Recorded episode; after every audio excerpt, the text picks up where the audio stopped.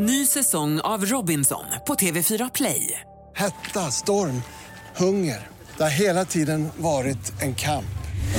Nu är det blod och tårar. Fan händer just nu. Det. är Detta är inte okej. Robinson 2024, nu fucking kör vi! Streama söndag på TV4 Play. Podplay.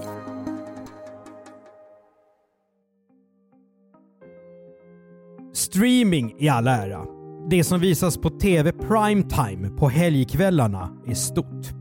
Både nu och för 33 år sedan. Och i synnerhet om det bara finns ett enda TV-bolag. Ja, då blir det en rikshändelse när ett nytt program och ett nytt ansikte presenteras. Det får Pa Neumüller lära sig på ett stenhårt sätt. Hennes premiär i direktsändning på SVT resulterar i den svenska TV-historiens kanske värsta kaos. Det här är Jag var där, en dokumentär varje onsdag på Podplay av Andreas Utterström och Mattias Bergman.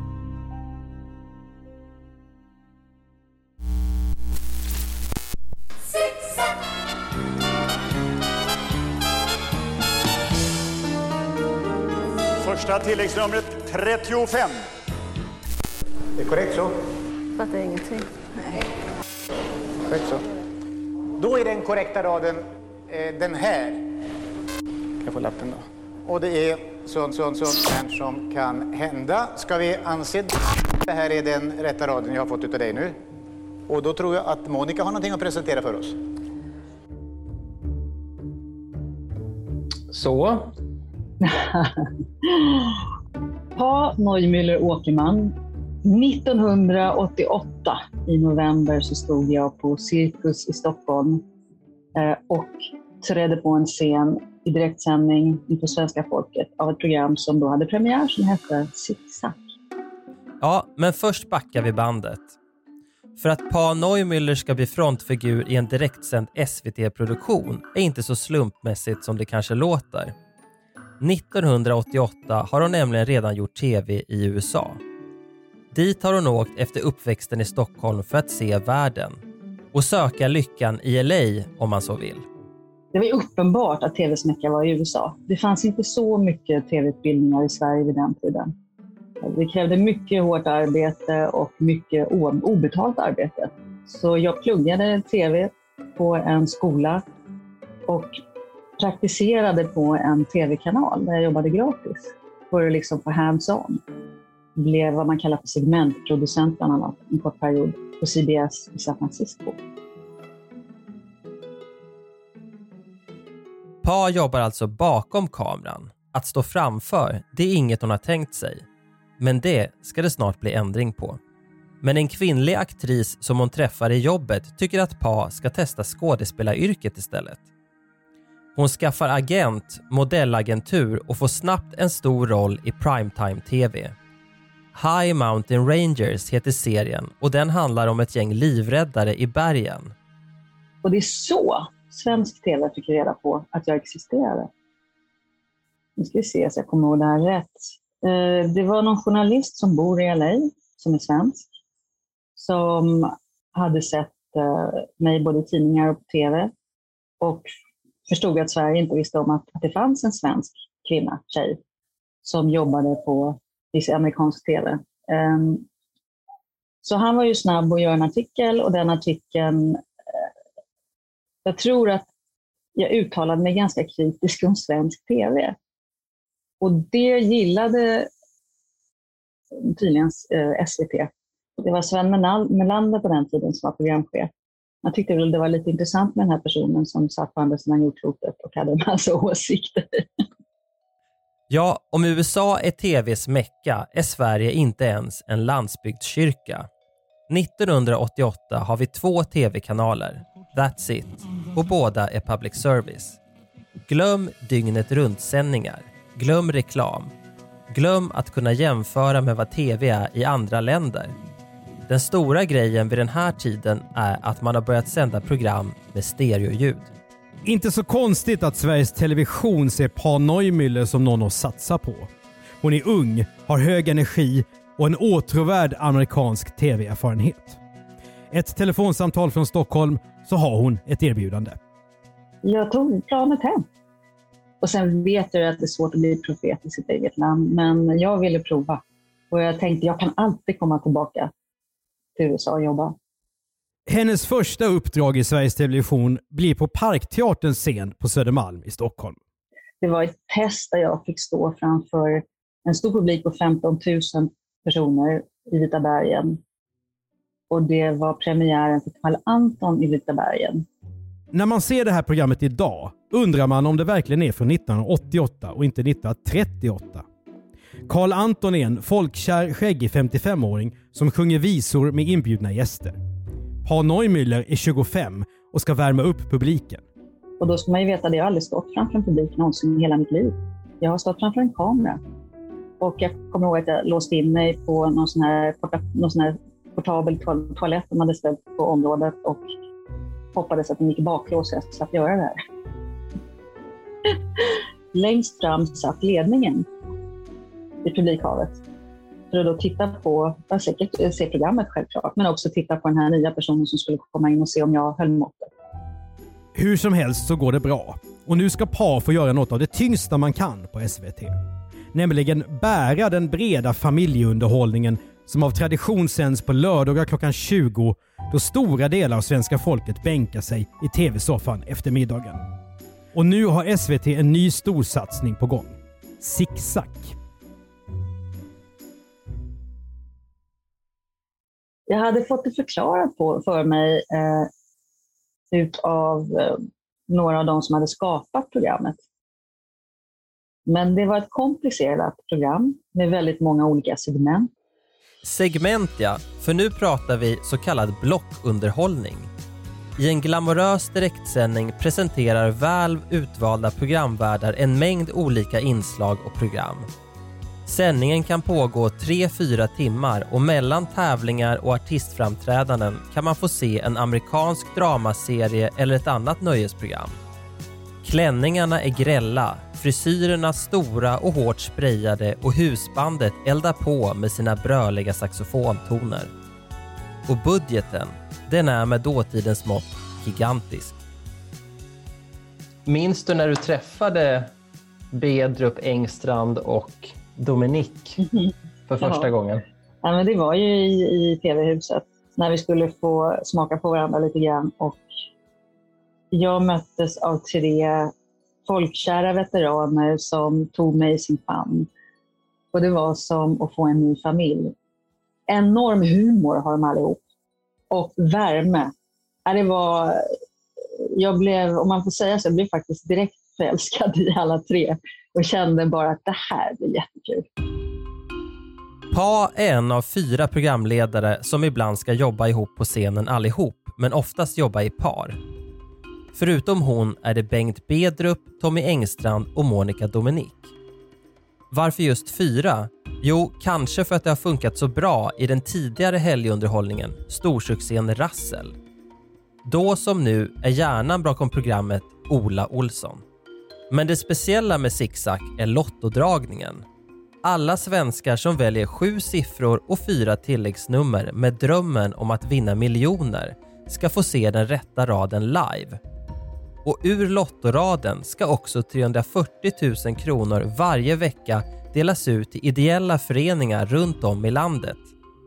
Så att hela programmet var ju utbyggt att dra ut på den här lottoraden så länge man någonsin kunde. PA lanseras nu på kort tid som Sveriges nya stora tv-stjärna.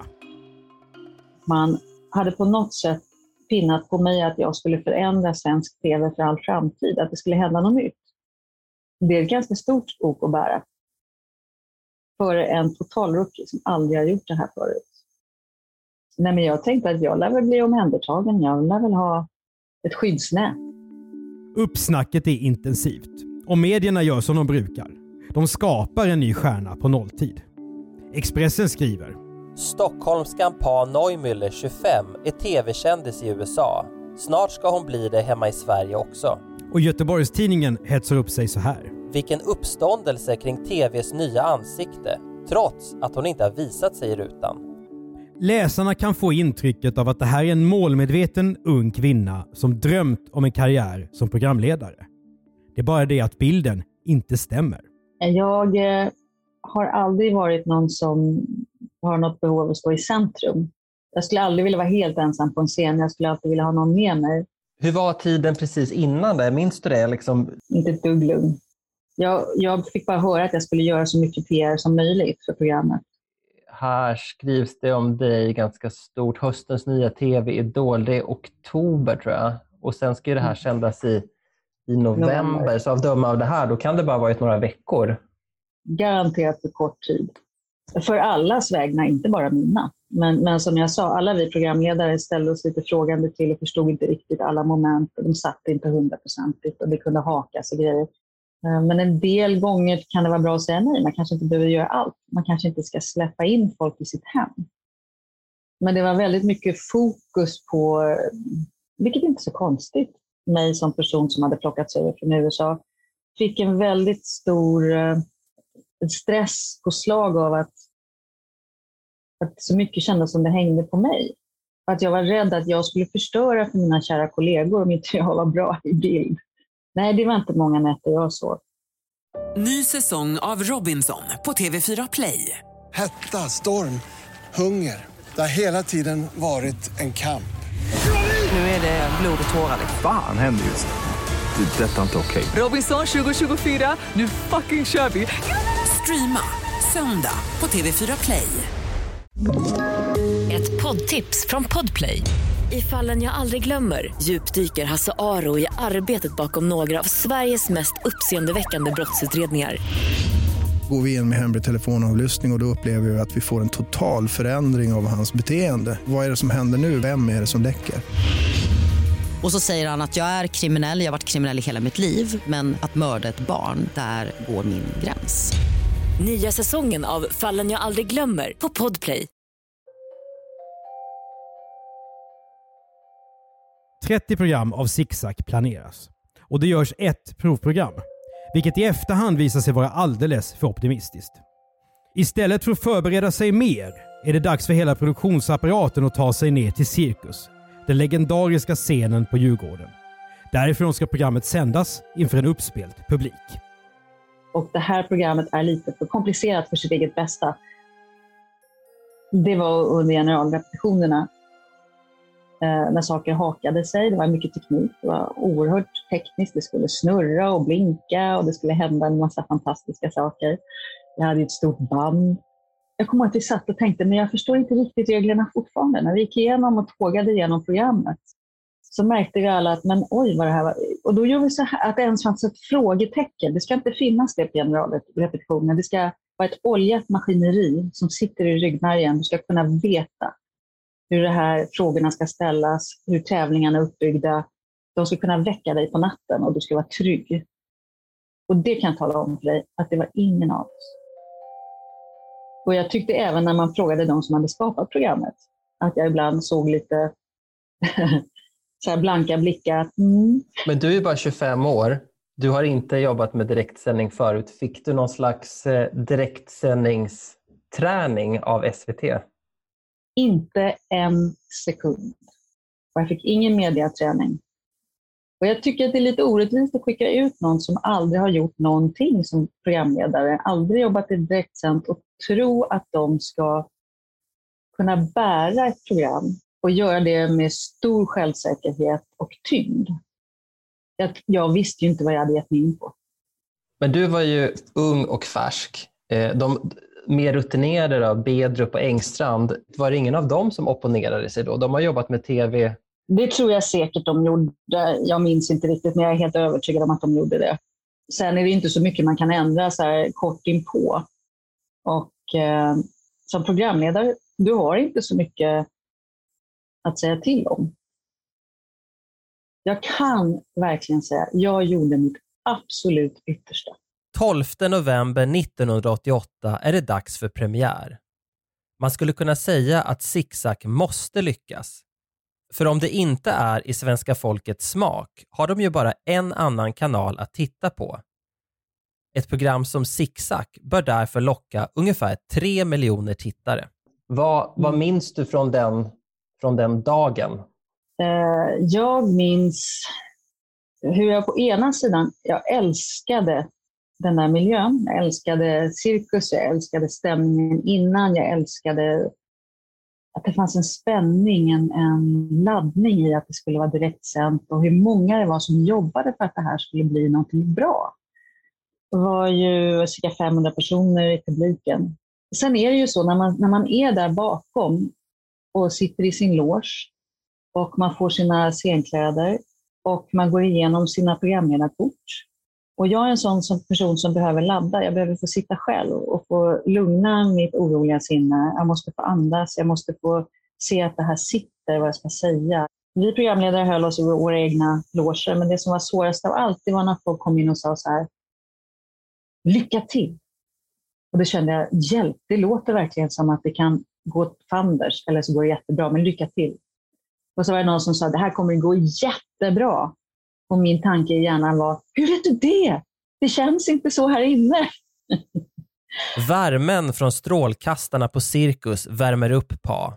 Dags för familjemys, chans att vinna pengar, att njuta av musik.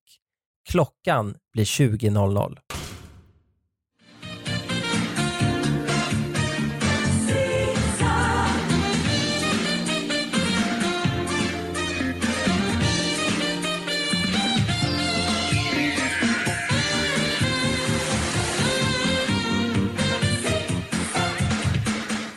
När man gick in bakom scenen, bandet spelar upp, man hör publiken. Vi fick klättra upp på en liten smal trappa som var nästan som en stege. Med väldigt små fotsteg. För att komma upp till det som såg ut som en stor måne. Den skulle öppna sig bakifrån och så skulle vi kliva in över. Och så skulle vi springa ner för en ramp och sen komma ut på golvet. I någon repetition hade jag fastnat med klacken i någon söm i mattan. Och en, vid en annan repetition så hade den här månen inte öppnat sig. Och vi står vingligt på den här stegen, alla fyra, och väntar på att vi ska få klartecken och se att det öppnar sig för att vi ska springa in. Då kände jag som att hela magen vände sig upp och ner och jag tänkte jag kommer kräkas det första jag gör när jag sätter första steget på rampen. Bedrup, Engstrand, var de lika nervösa som du som du märkte det? Nej, oh, nej. Ah, det här är bara, åh. De kunde knappt bärga sig. Det var ju som hästar du vet som ska springa på travbanan som står och väntar. Pa är yngst och kanske mest påpassad av medier och publik. Men det är inte därför hon är så nervös. Det beror på något helt annat. På den tiden var det inte så välkänt med dyslektiker. Jag är dyslektiker, jag kommer från en familj med dyslektiker. Ett moment var ju att de här fantastiska frågorna som skulle vara med i frågesporten, de kom med en, en vakt i en portfölj. Ingen har fått läsa dem och jag skulle stå och läsa dem i direktsändning. Och för en dyslektiker att få en en okänd text som måste vara exakt. Du får inte missa någonting när du läser upp den. Eh, det var ju också ett moment som fick mig att vara väldigt ja, orolig hur det skulle gå. Hade du berättat att du var dyslektiker? Jag tror det. Det måste jag ha gjort. Jag berättade alltid vad jag har för svagheter för att de ska ha chansen att dra sig ur. Anders Berglunds orkester spelar upp. Tommy Körberg och den norska gruppen Dance with a Stranger är beredda att uppträda. Och så är det det där med den direktsända lottodragningen. Den avlöper fint. Ja, eh, det tyckte jag. Och jag tyckte att det var en härlig stämning i, i cirkus. Jag tyckte publiken var med på noterna. Jag tyckte det var underbart med Anders Berglunds fina band med alla våra bästa musiker jag älskade mina programledarkompisar. Jag var nog ganska euforisk ända fram till Kula 29. En liten plastboll stor som en pingisboll med de svarta siffrorna 2 och 9 på. Den fåniga lilla saken kommer nu att orsaka en av svensk tv-historias värsta cringe-ögonblick. Ny säsong av Robinson på TV4 Play. Hetta, storm, hunger. Det har hela tiden varit en kamp. Nu är det blod och tårar. Fan händer just det. Det är detta inte okej. Robinson 2024, nu fucking kör vi! Streama Söndag på TV4 Play. Ett poddtips från Podplay. I fallen jag aldrig glömmer djupdyker Hasse Aro i arbetet bakom några av Sveriges mest uppseendeväckande brottsutredningar. Går vi in med hemlig telefonavlyssning och, och då upplever vi att vi får en total förändring av hans beteende. Vad är det som händer nu? Vem är det som läcker? Och så säger han att jag är kriminell, jag har varit kriminell i hela mitt liv men att mörda ett barn, där går min gräns. Nya säsongen av Fallen jag aldrig glömmer på Podplay.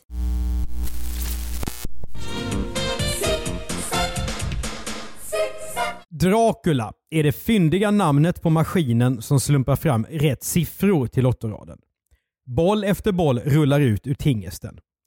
Rätt rad växer fram med tre nummer i taget och spänningen stiger hos svenskarna. Lottodragningen övervakas av aktiebolaget Tipstjänst kontrollanter och är synlig för alla som spelar. Personer som var enkom där för att ha koll på maskinen.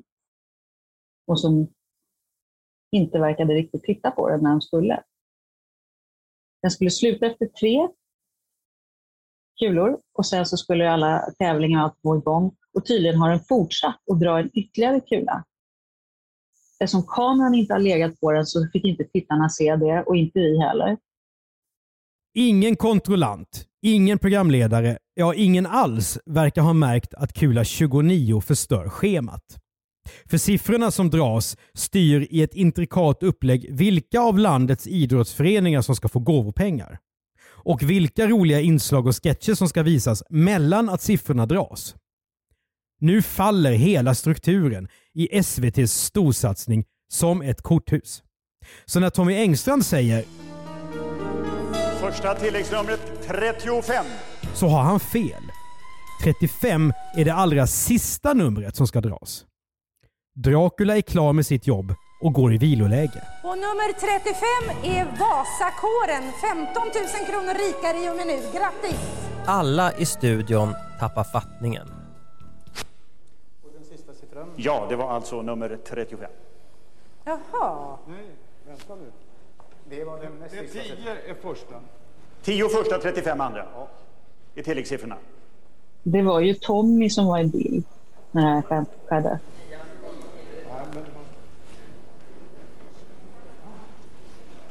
Tilläggssiffrorna alltså 10 och 35 och raden är då 4, 10. I de oförglömliga arkivfilmerna ser man nu flackande blickar, händer som river i papper och programledare som tittar i fel Och det kamera. är sånt här som kan hända. Ska vi anse då att det här är den rätta raden jag har fått utav dig nu? Och då tror jag att Monica har någonting att presentera för oss. Ja, eh, är det den sista siffran som styr TV-godiset? Då är det nummer 35 och då är det rasselsketcher. Den skylten är inte tänd, men eh, det kanske den ska vara. Men här blev det ju, och de glömde ju stänga av vissa mickar. Så man hör ju också vad vi programledare säger som inte är bild just då. Fattar ingenting. Nej. Skönt så. Det första man gör, den som inte är i bild, drar man ner micken på. Det är eh, så självklart. Och när man, jag minns hur jag tittade på de som var ansvariga för programmet för att se vad de gjorde och jag såg eh, människor som inte agerade utan jag såg dem sitta ganska lamslagna. Och det tyckte jag också var helt chockerande. Med mina erfarenheter från USA som ändå var ganska många år, där allt är så väl förberett och man vet exakt vad som händer om någonting går fel, vem som tar ansvaret, vad man, hur man åtgärdar det. Här såg jag plötsligt hur man i framför publiken för öppen ridå säger men oj, vad händer här? Ja, vi gör en liten dubbelcheckning på vad som har hänt. Vi måste kolla med kontrollanten och Tipstjänst, Ann-Marie Kronqvist här, så vi får det här rätt. Vad är det som har hänt? Tystnaden är, som man brukar säga, öronbedövande. SVT, som definierar vad TV är här i Sverige, i ett av världens rikaste länder, gör bort sig fullständigt. Tänk att du har ett helt fantastiskt band som sitter sysslolösa. Och du kan ge dem vilket, vilken låt som helst och de skulle bara på några sekunder ha löst genom att spela någonting. Och vad far genom ditt huvud när den här förvirringen kring Kula 29 Att jag inte Står. kan lita. Jag kan inte lita på dem som är proffs. Jag känner inte igen det här alls. Så här fungerar det inte där jag kommer ifrån. Och om du inte kan lita på de som har skapat programmet, som till och med satt där. Mm. Så jag, jag minns ju detta väldigt tydligt. Jag satt och såg det här med mina, mina föräldrar och eh, mm. kommer ihåg min farsas kommentar. Oh, nu vet Monica Dominicki inte vad, vad hon ska göra. Kommer du ihåg att han sa? Ja, det syns. Eh, det syns väldigt väl på Monica, men på många andra. Men eh, det man som tittare har svårast för, det är ju när någonting blir lite pinsamt. Och det går en gräns där man tycker synd om folk och känner en väldig empati till där man börjar tycka, men vad fasen. Just den här känslan av att det kanske var lite, lite pinsamt. Ja, alltså hade jag varit där idag med mm. det självförtroende jag har idag och den självklara liksom, den tyngden jag känner att jag har. Jag hade tagit tag i det själv. Jag hade inte frågat någon om lov. Jag hade, jag hade väl sagt bara, nu kör, vi, nu kör vi bandet. Även om vi var fler programledare. Då vågar man inte säga någonting. Man vågar inte ens föreslå det. Risken är mikroskopisk, men Dracula flippar ut vid sämsta tänkbara tillfälle. Kanske för att maskinen står just på Cirkus där elen är ojämn. Det skriver i alla fall en av tidningarna efteråt. Men kloka förklaringar spelar ingen roll. Miljoner tv-tittare är förvirrade och förbannade. Förstår du redan under pågående direktsändning att det här kommer inte bli kul imorgon? Omedelbart. Jag vet ju att pressen sitter i lokalen och eh, att rubrikerna, rubriksättarna redan har lagt i maskinerna, i pressarna, tryckpressarna, eh, succé eller katastrof eller vad det nu kan ligga färdigt och rulla ut. Och jag vet ju att eh, man har uppmanat folk att ringa in. Och jag kan bara ana hur det låter i luren just nu. Hur gick det att hålla fokus på här och nu under resten av sändningen då, när det här hade inträffat? The show must go on. Jag har ju framträtt och spelat teater eller spelat in tv-serier när jag har varit magsjuk, när jag har haft hög feber. Så på något sätt så man kör ju bara på. Och hoppas att om man kan rädda någonting genom att göra resten av programmet så pass charmigt eller trevligt eller bra så kanske inte domen blir lika hård. Men eh, det blev den ju. Tittarstorm kallas det. Det betyder att tillräckligt många arga svenskar ringer till SVTs telefonväxel och kvällstidningarnas redaktioner och klagar. Att det händer den här lördagskvällen är självklart. Det, kändes som att jag var lite rädd att gå ut ifrån cirkusen. Man känner sig helt utpumpad. Det är som om någon har kört en lastbil genom kroppen på en. Och det här går ju inte att ta tillbaka. Och jag, jag, tror bara att alla var jättebesvikna av oss programledare och eh, oroliga för vad som händer nu. Läste du tidningarna? Jag läser själv ingenting, men vet du vad, det kommer till dig ändå kan jag säga. det är liksom omöjligt att inte få reda på vad det står. Dels så kommer det folk som vill säga åh stackars och sen så kommer de som säger nej, låt inte brytas ner och så får du veta exakt vad det står i alla fall. Söndag och svenskarna vaknar. Några av dem har vunnit en videoapparat genom att de har ringt och tävlat i zigzag. En löparbana i Enebyberg och länkarna i Göteborg har fått tävlingspengar. Men vad hjälper det? Aftonbladet och Expressen gör åtta sidor var om zigzag. Större utrymme än vad ett brutalt mord brukar få. Lottomissen. Tusentals tv-tittare stormade. Detta är rena fusket. Så står det på Aftonbladets första sida. Och Expressen skriver det sämsta som visats i TV. Sveriges Television tvingas nu rapportera om sitt eget fiasko. Nyhetsprogrammet Rapport inleder sin sändning med zigzag-haveriet. Dagens Nyheter ägnar sin viktigaste nyhetsplats åt programmet och skriver så här. Ett tag var missödesfrekvensen i studion precis lika hänförande kaotisk. Efter en stund gick den över gränsen till det pinsamma. Till sist var det inte ens genant, utan skandalöst. Mm. Den här typen av artiklar skrivs ju också. Här kör man ut, jag vet inte om du ser, här kör man ut Dracula på någon slags vagn. Mm. Och sådär. Mm. När jag vaknade och när jag slog på radion handlade det om zigzag. Och så tittade jag i tidningen, då handlade det om zigzag, alla tidningarna. Så från, från att jag öppnade ögonen till att jag släng, stängde dem igen så det här programmet på alla släppar. Och även de som inte hade tänkt se det från början såg det ju därför att man måste ju kunna hänga med i snacket. Man måste ju ha en åsikt. Efter sändningen har par försökt sova ut i föräldrahemmet. Då ringer det på dörren. När de öppnar så står det en journalist där med en tårta och blommor. Och mina föräldrar är väldigt artiga. Vi kan inte liksom säga, stänga dörren på den här personen som kommer med blommor och tårta. Och eh, jag tror att jag kände det är lika bra att ta tjuren vid hornen. För då, här, i den här då, Mm.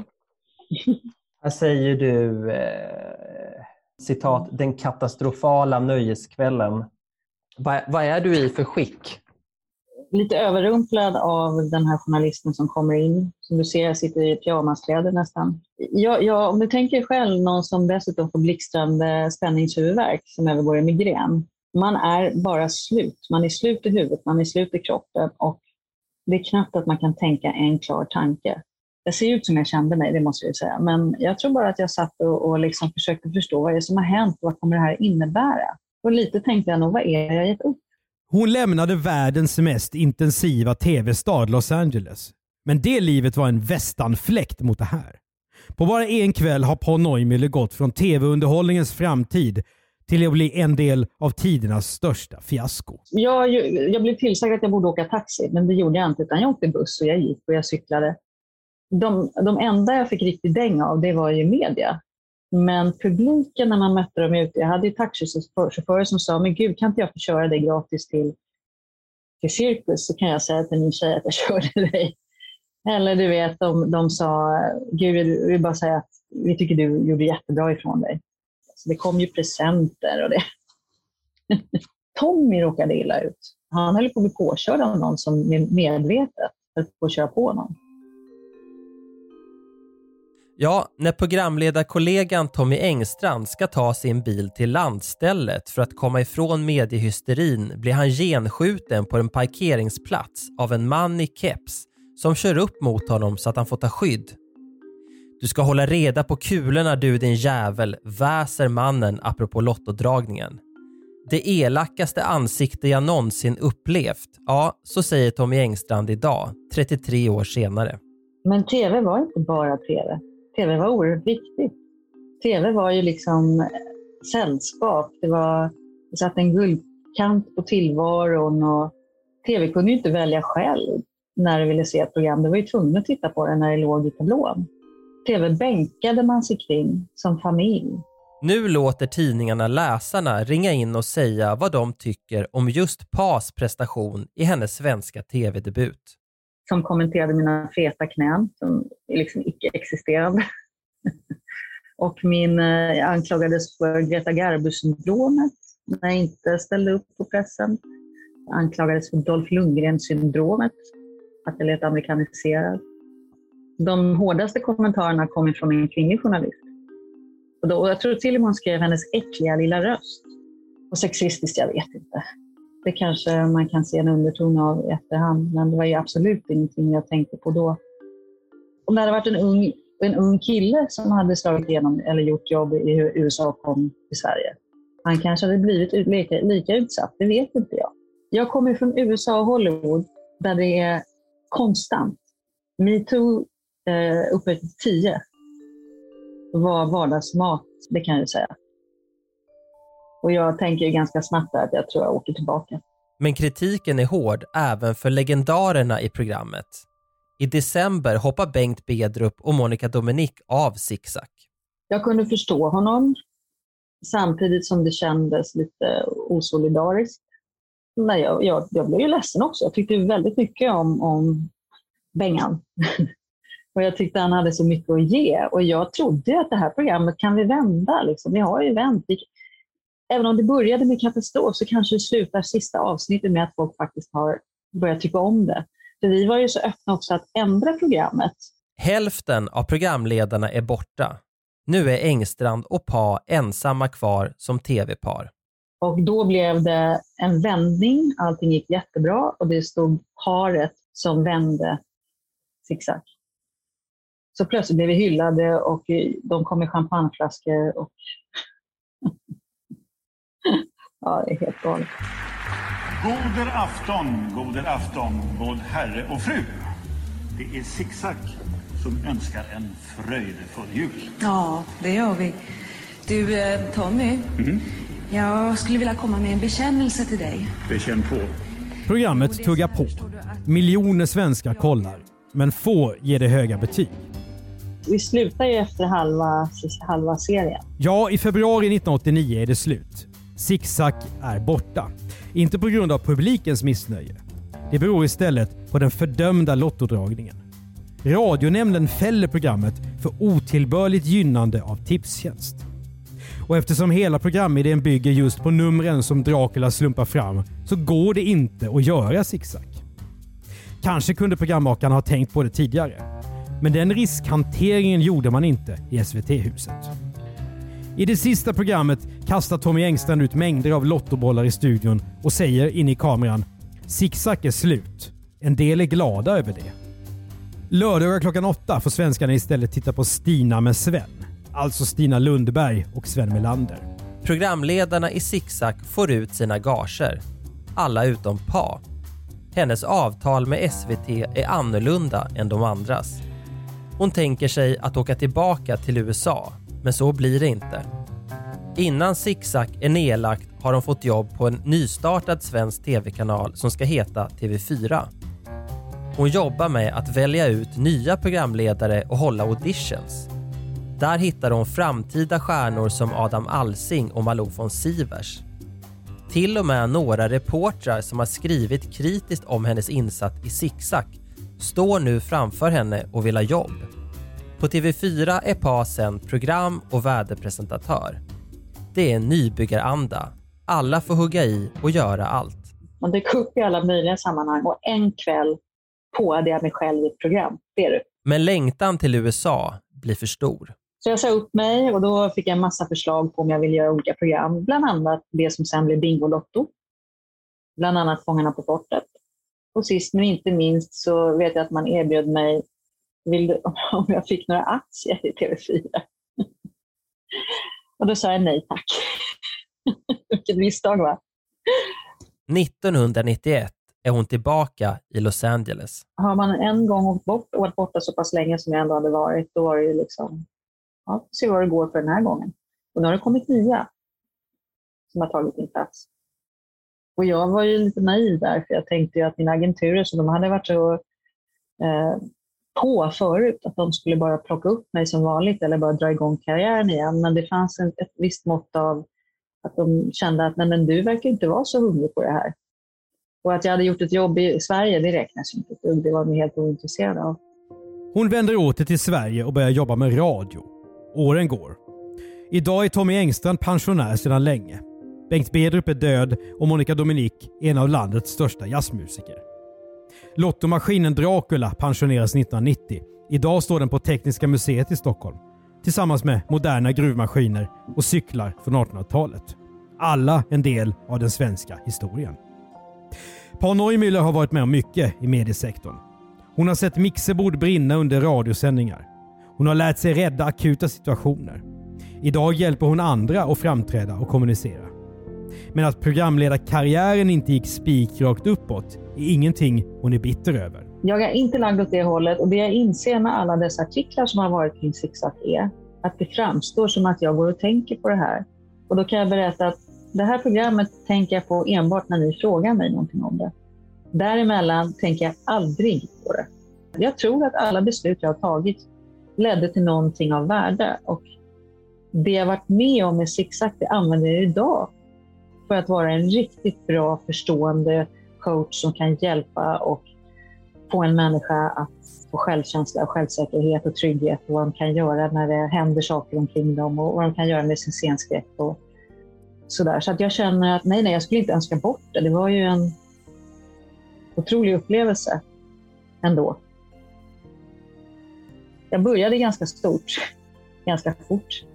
Och sen gick jag från Hollywood till Sverige och så gick jag från TV till radio. Och jag tror, alltså min ambitionsnivå är att vara en lycklig människa och må bra. Jag är inte karriärist. Idrottshjältar som Thomas Brolin har sett sin karriär dö på en sekund när skadan drabbar dem. VDR som har fått för stort ansvar i unga år men blivit brända av solen kan sörja hela livet. Pa Neumüller skulle kunna vara i det sällskapet. Men av något skäl såg hon annorlunda på sitt öde i zigzag och bara gick vidare. Jag, jag är glad att det hände då och inte är nu, för det är en mycket hårdare, ett mycket hårdare klimat idag. Jag minns det som var kul. Jag minns hur det var att få vara på den här underbara scenen. Jag minns eh, familjekänslan bakom, men jag minns också hur stolt jag var över att det ändå var sådana som Povel Ramel, som gjorde i sin tingeltangel gjorde han ett nummer med mig. Povel, det är Povel!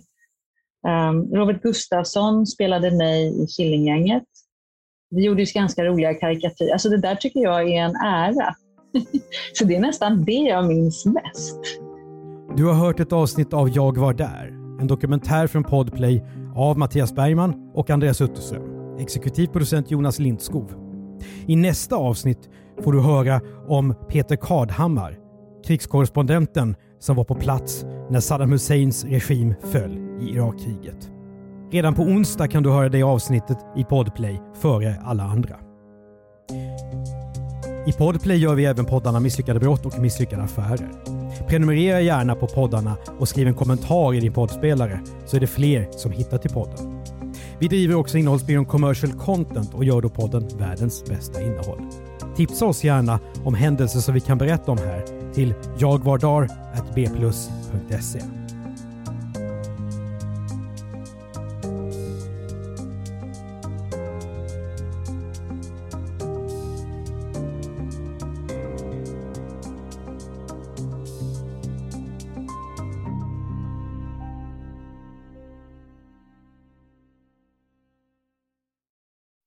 säsong av Robinson på TV4 Play. Hetta, storm, hunger. Det har hela tiden varit en kamp. Nu är det blod och tårar. Fan händer just nu. Det. är Detta är inte okej. Robinson 2024, nu fucking kör vi! Streama söndag på TV4 Play.